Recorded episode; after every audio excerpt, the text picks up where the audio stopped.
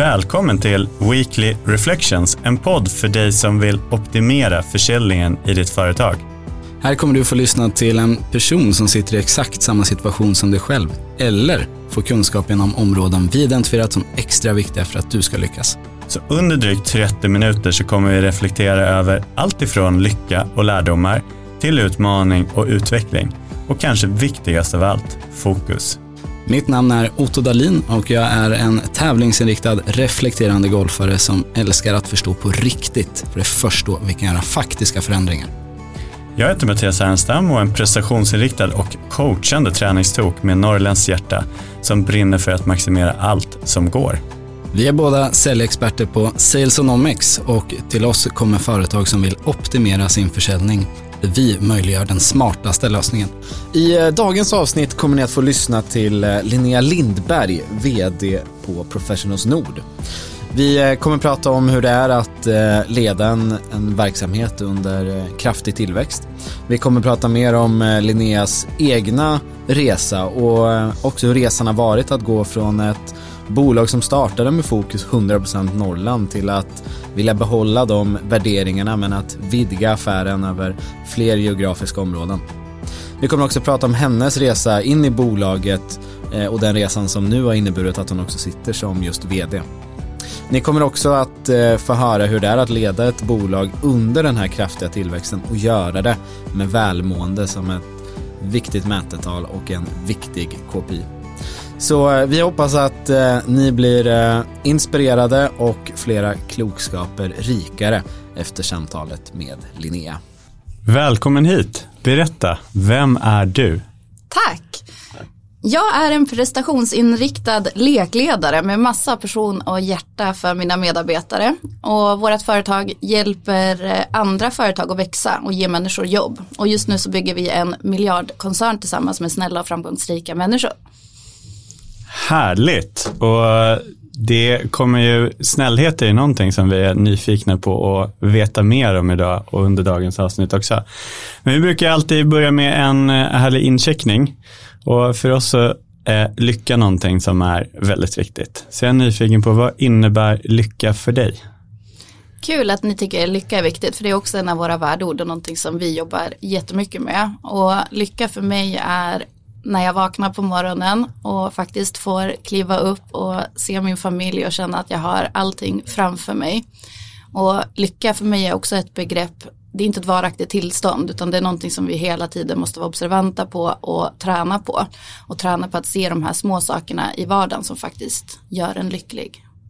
Och vad är det för, vad skulle du säga, vad är det för komponenter då som finns i, i det här tillståndet? Det är en känsla av eh, välbefinnande när man bara känner att man står i någonting och det kan vara att en kollega klappar en på axeln och säger bra jobbat eller det kan vara en stund i fikarummet tillsammans med sina kollegor eller att eh, ja, men bara solen skiner på morgonen och att man faktiskt stannar upp och uppskattar det. Härligt. Och utifrån att vi får eh, låna en stund av dig här nu, vad, vad skulle du säga, hur, hur lycklig känner du dig idag på en skala 1 till 10? Ja, men jag känner mig faktiskt väldigt lycklig idag. Jag eh, kom med flyget i onsdag så var i Stockholm här några dagar och igår så var vi på en fantastisk eh, konsert, jag och min sambo på Beyoncé. Så det tyckte jag var ett riktigt mäktigt eh, tillfälle att bara så här, stå och vara i stunden och njuta. Härligt. Är vi liksom uppe på nio eller en tia då eller?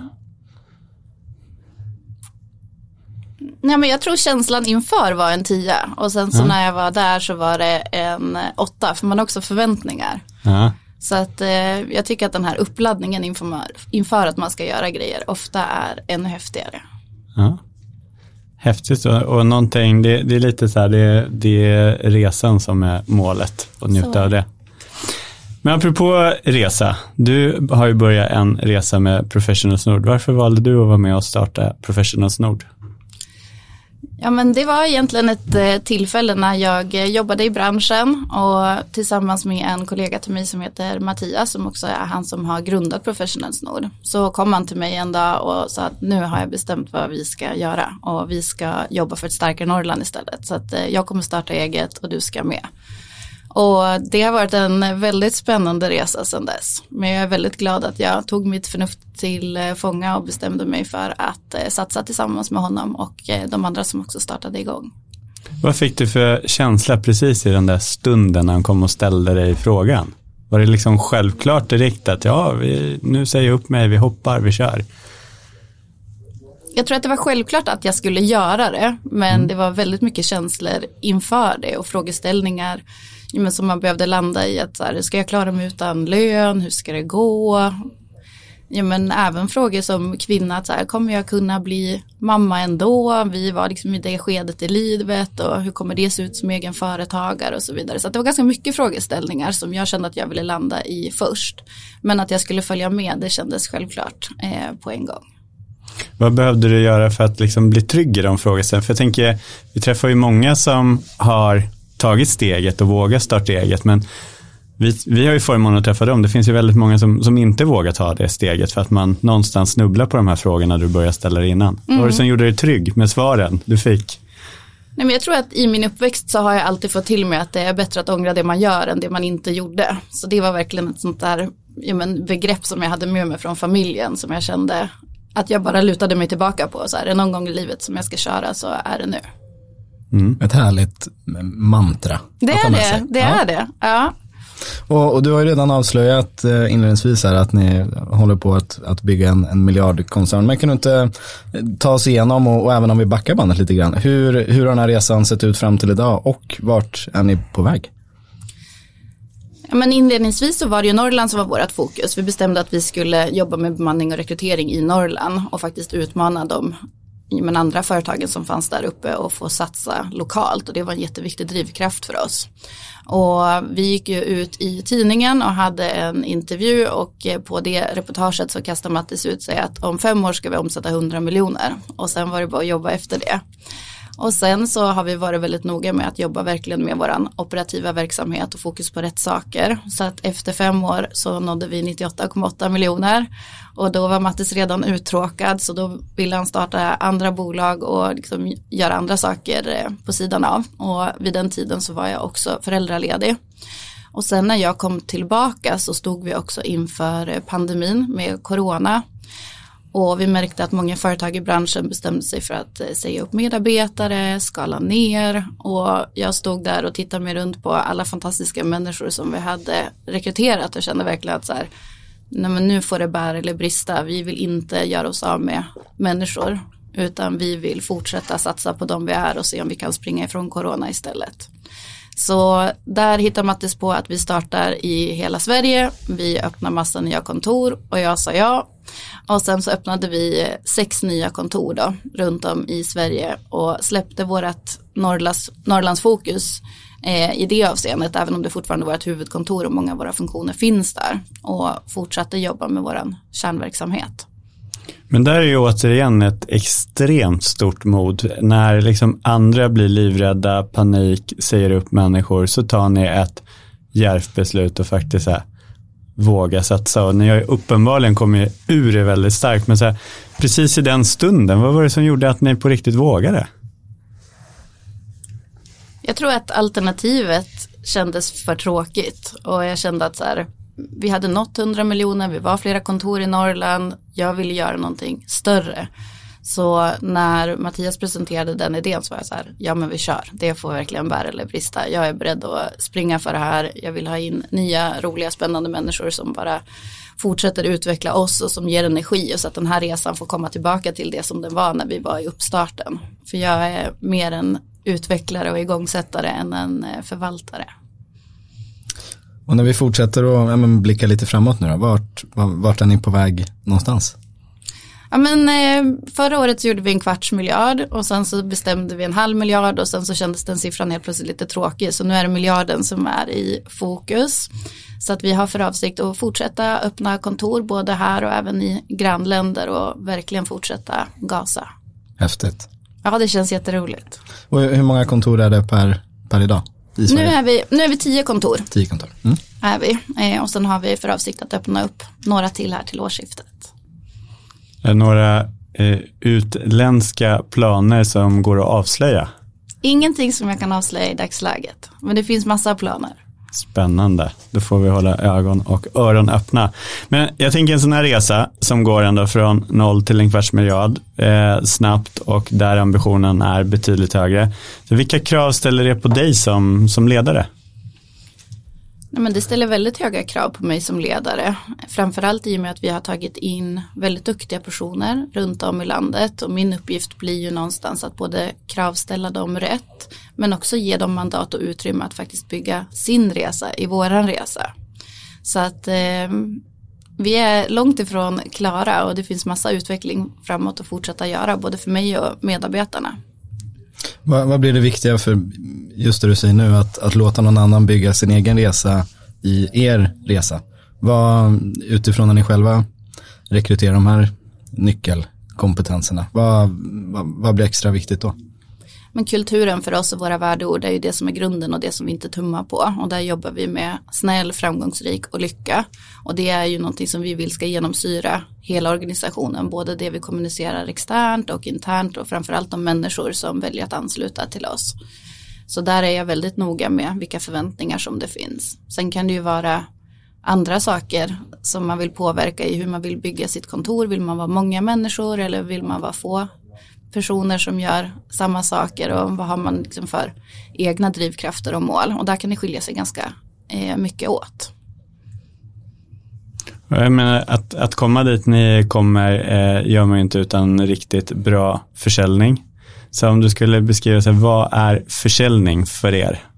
Men I min värld så är ju försäljningen det som är absolut mest utmanande. Och eh, jag tror att de som har möjlighet att knyta till sig och fortsätta utveckla de bästa säljarna verkligen är de som kommer vara ledande i branschen. Men försäljning för mig handlar ju om att hjälpa företag och att det ska vara en ömsesidig vinst för alla som går in i samarbetet. Att vi faktiskt utmanar våra kunder och hjälper våra kunder att hitta lösningar som de inte skulle kunna komma fram till själva. Eh, där vi blir en viktig samarbetspartner för dem. Mm. Och om, man, om man tänker att, att leda försäljning i så extremt stor tillväxt som ni har varit, vad har liksom varit framgångsfaktorerna där? Vad har gjort att ni har lyckats? Jag tror att en viktig del i det är att vi har människor som är med och driver och känner att man också bygger upp det här tillsammans. Då finns det en annan liksom, hjärta och passion för att verkligen se till att skapa bra och långsiktiga relationer. Och jag tror att man som kund också märker när man träffar en person som genuint och på riktigt verkligen bryr sig om det som vi säljer och det som man jobbar tillsammans kring. Mm. Jag tänker en intressant sak, du har ju tidigare arbetat i den branschen som du just nu driver bolag inom. Yes. Så, vad, vad är skillnaden med att vara anställd och att faktiskt kunna bygga det du på riktigt själv tror på? Det är ju en jättestor skillnad.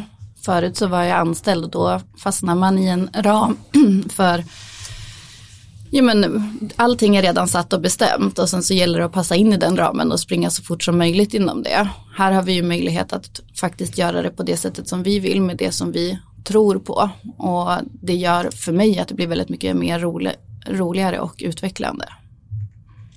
Har det varit eh, om säger, gör ni på samma sätt idag som ni gjorde från början eller har den här resan också inneburit ett testande för att hitta ert sätt och ert framgångskoncept? Men det har nog förändrats väldigt mycket över tid och förmånen var ju att i och med att vi hade jobbat i branschen sedan tidigare så hade vi möjligheten att ta med oss de delarna där vi kände oss trygga och som vi verkligen tyckte var jättebra men också en påverkansmöjlighet att förädla de delarna där man vill göra någonting annorlunda. Och att starta från grunden och bygga en säljorganisation är ändå en ganska tuff konkurrensutsatt bransch med, med många stora starka aktörer men också många mindre aktörer. Så här, vad, vad skulle du säga där? Hur, vad har det absolut viktigaste vara för att bygga en stark säljorganisation? Det har varit att få med sig inledningsvis de absolut duktigaste från branschen och att vi har haft förmånen att det är jättemånga som har valt att ansluta till oss. Och tittar vi på den struktur som vi har på bolaget så har vi också varit väldigt tydliga med att de som är duktiga vill vi ska vara med och fortsätta utveckla de som kommer in och som inte har den här kompetensen från början och att det finns ett jättestort medarbetarengagemang i att inte bara sälja sina egna produkter och tjänster utan att faktiskt förmedla den kunskapen vidare. Så det är det som hela men, satsningen bygger på. Jag tänker det är ju mångas dröm att få de absolut bästa, men ni har ju lyckats med det. Ja men det har vi faktiskt. Vad är det som, vad är det som har gjort att ni har lyckats attrahera dem tror du? Nej, men jag tror att det, människor attraherar människor och att vi har eh, ja, men, lyckats nå ut på en marknad, att man har sett Professional Snod vad vi står för och också sett att det är värderingar som skiljer sig från många andra i branschen och där tror jag att just det här med snällhet är en jätteviktig paritet i det. För säljkulturen kan vara ganska tuff på många eh, håll om man armbågar sig fram och jag tror att den typen av människor som har kommit till oss känner att man vill addera någonting annat till det också. Jag, jag håller verkligen med utifrån de här värdeorden som du berättar om. Men om vi tar snällhet som just ett konkret exempel. Hur, hur märker man av det i kulturen? Vad, vad innebär snällhet för er? Men väldigt mycket grejer och jag tror att många personer skulle definiera det olika. Men framförallt det här att vi vinner tillsammans, att vi vill hjälpa varandra och lyckas är en jätte, jätteviktig del i hela det strategiska arbetet också. Och där gör vi även så att eh, de säljarna som jobbar på nationell nivå hjälper andra säljare i hela landet. Så om vi får in en större affär till exempel att man delar med sig och att andra får komma in på de affärerna och faktiskt vara med och fortsätta utveckla det. Det är ganska häftigt. Det är första gången jag tror jag hör ett bolag ha snäll som ett av värdeorden. Mm. Ändå är det kanske ett av våra mest, mer vanliga adjektiv. Verkligen. Hur, hur kom ni fram till just de orden som ni valde? Nej, men vi satt en hel eftermiddag, jag och Mattis och spånade att så här, vad är det vi vill bygga? Och så skrev vi en miljard ord och sen försökte vi tratta ner de här i, i men, tre olika kategorier. Och då var det väldigt tydligt att det här var en av de delarna. Sen stod det kanske med andra ord, alltifrån att man ska hjälpa varandra till och ja, men, ge vidare kunskap till att man ska tycka att det är roligt att gå till jobbet. Och sen så ja, men, försökte vi bara konkretisera ner vad är det här egentligen. Och jag tycker det är roligt med snäll för det är nästan så här, har varit ett skällsord. Man tänker på killarna i klassen som var snälla, de fick liksom ingen relation eller en hund är snäll eller alltså det finns massa negativt laddade begrepp kring snäll och jag tycker att det är så omodernt för att om man ser på sina vänner och sin omgivning det man vill är ju att ha människor i sin omgivning som faktiskt är snälla och som genuint månar och bryr sig om varandra. Så att man kommer väldigt långt på det men jag tycker att det har fått lite för lite uppmärksamhet. Ja, det är sånt där, det är ett ord, nu ska jag inte, eh, nu låter det kanske som att jag förminskar det, det är jag verkligen inte, men som i all sin enkelhet säger väldigt mycket. Mm, jag håller med. Så nej, superhäftigt. Jag är lite nyfiken, inledningsvis så berättade du ju själv att du stod i massa, när, när ni skulle starta just det här med att tankar på att bli mamma och de delarna och ni har ju många duktiga kvinnliga ledare hos er. Mm.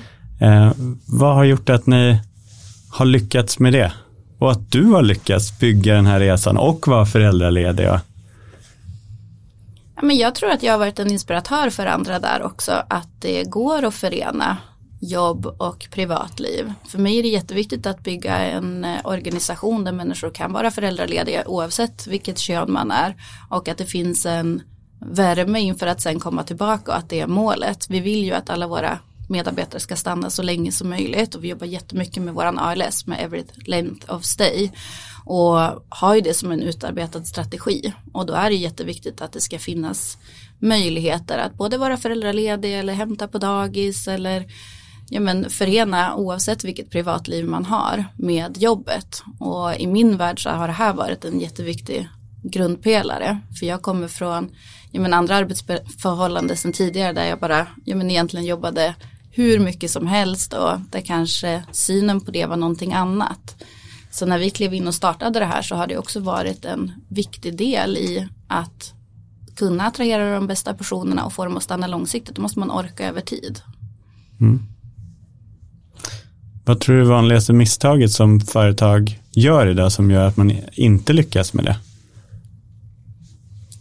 Jag tror ibland att man blir kortsiktig i det och egentligen bara vill ha ut prestationen och man jobbar jätte, jättehårt.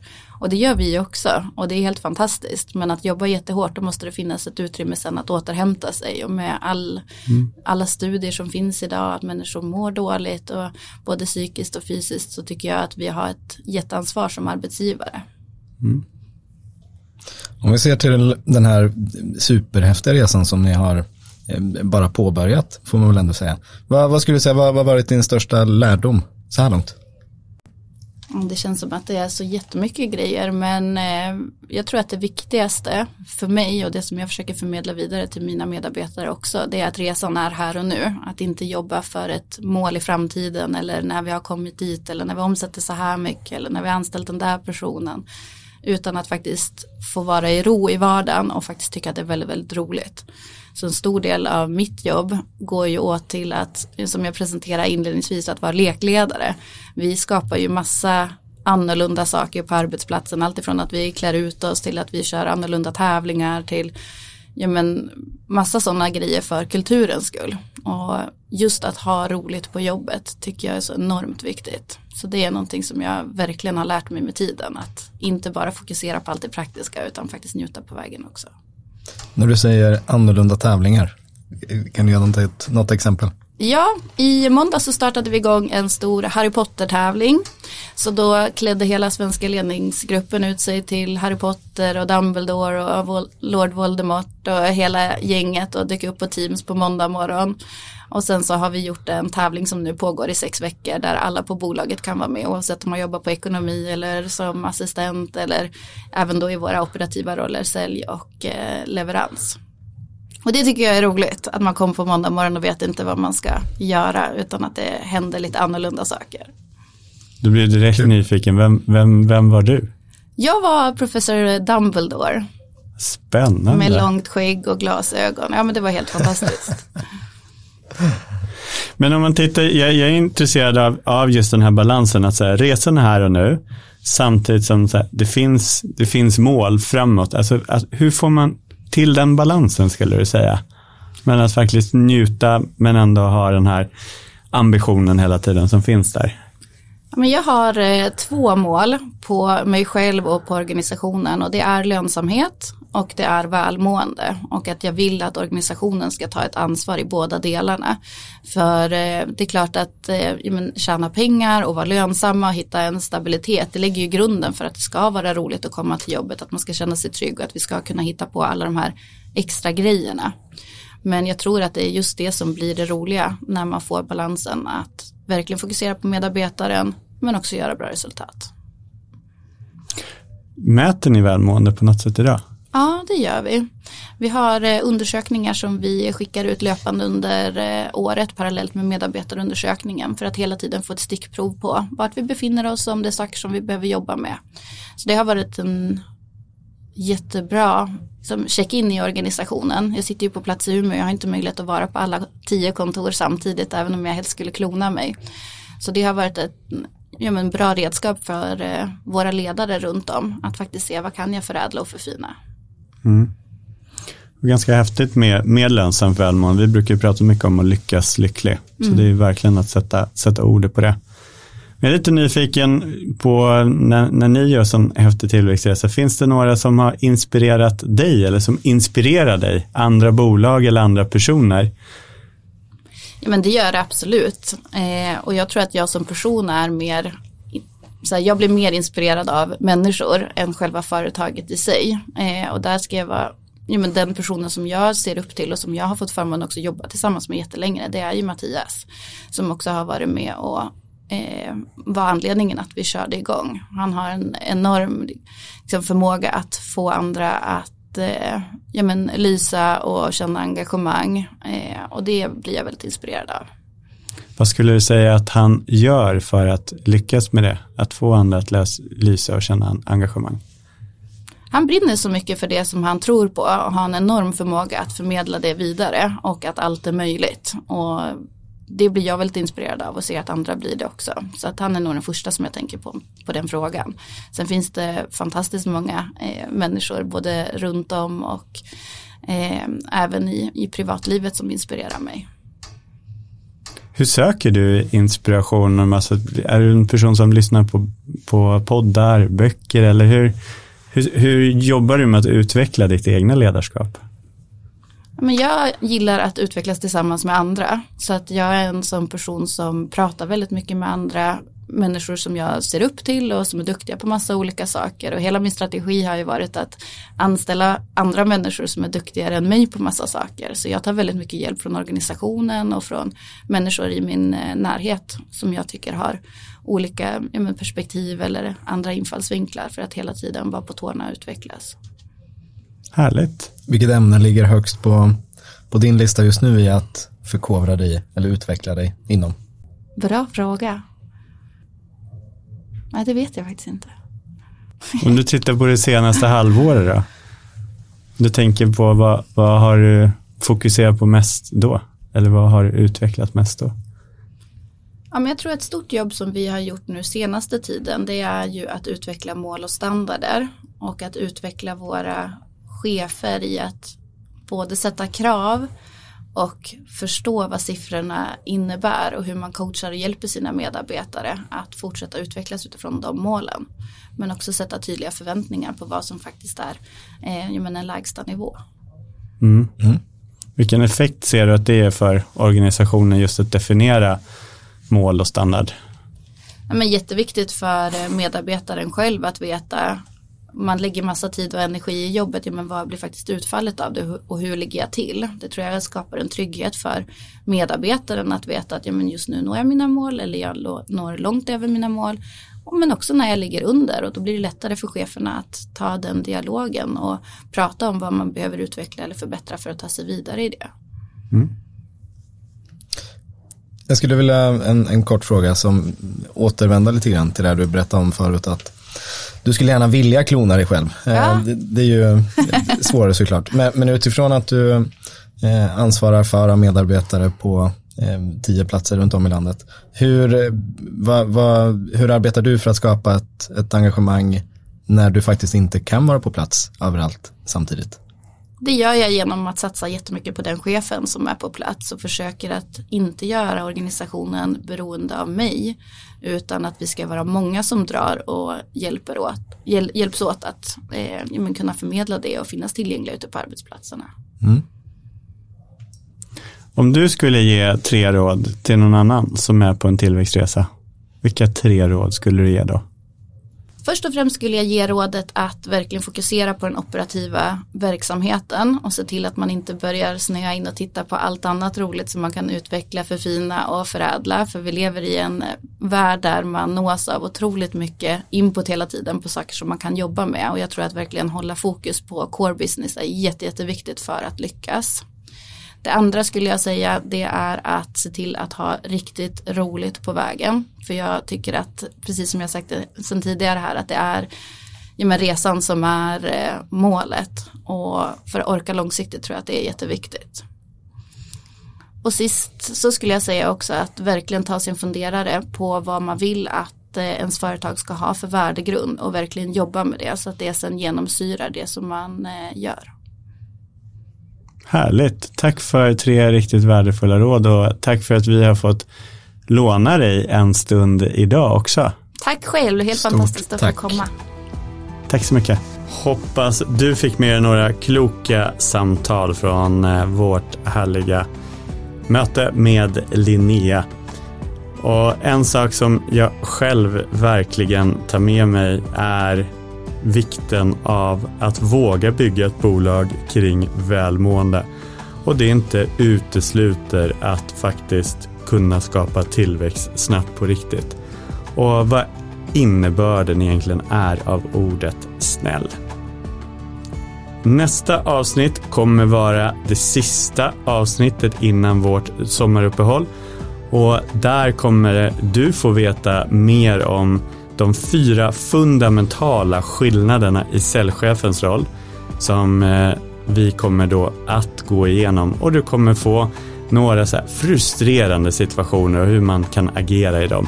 Och sen kan jag redan nu ge en teaser att vi kommer att ha en sommarskola för dig som är säljchef där ute med åtta stycken korta avsnitt där du kommer få konkreta verktyg och tekniker som kan hjälpa dig att ta ditt säljteam till nästa nivå. Så missa inte nästa kunskapsavsnitt.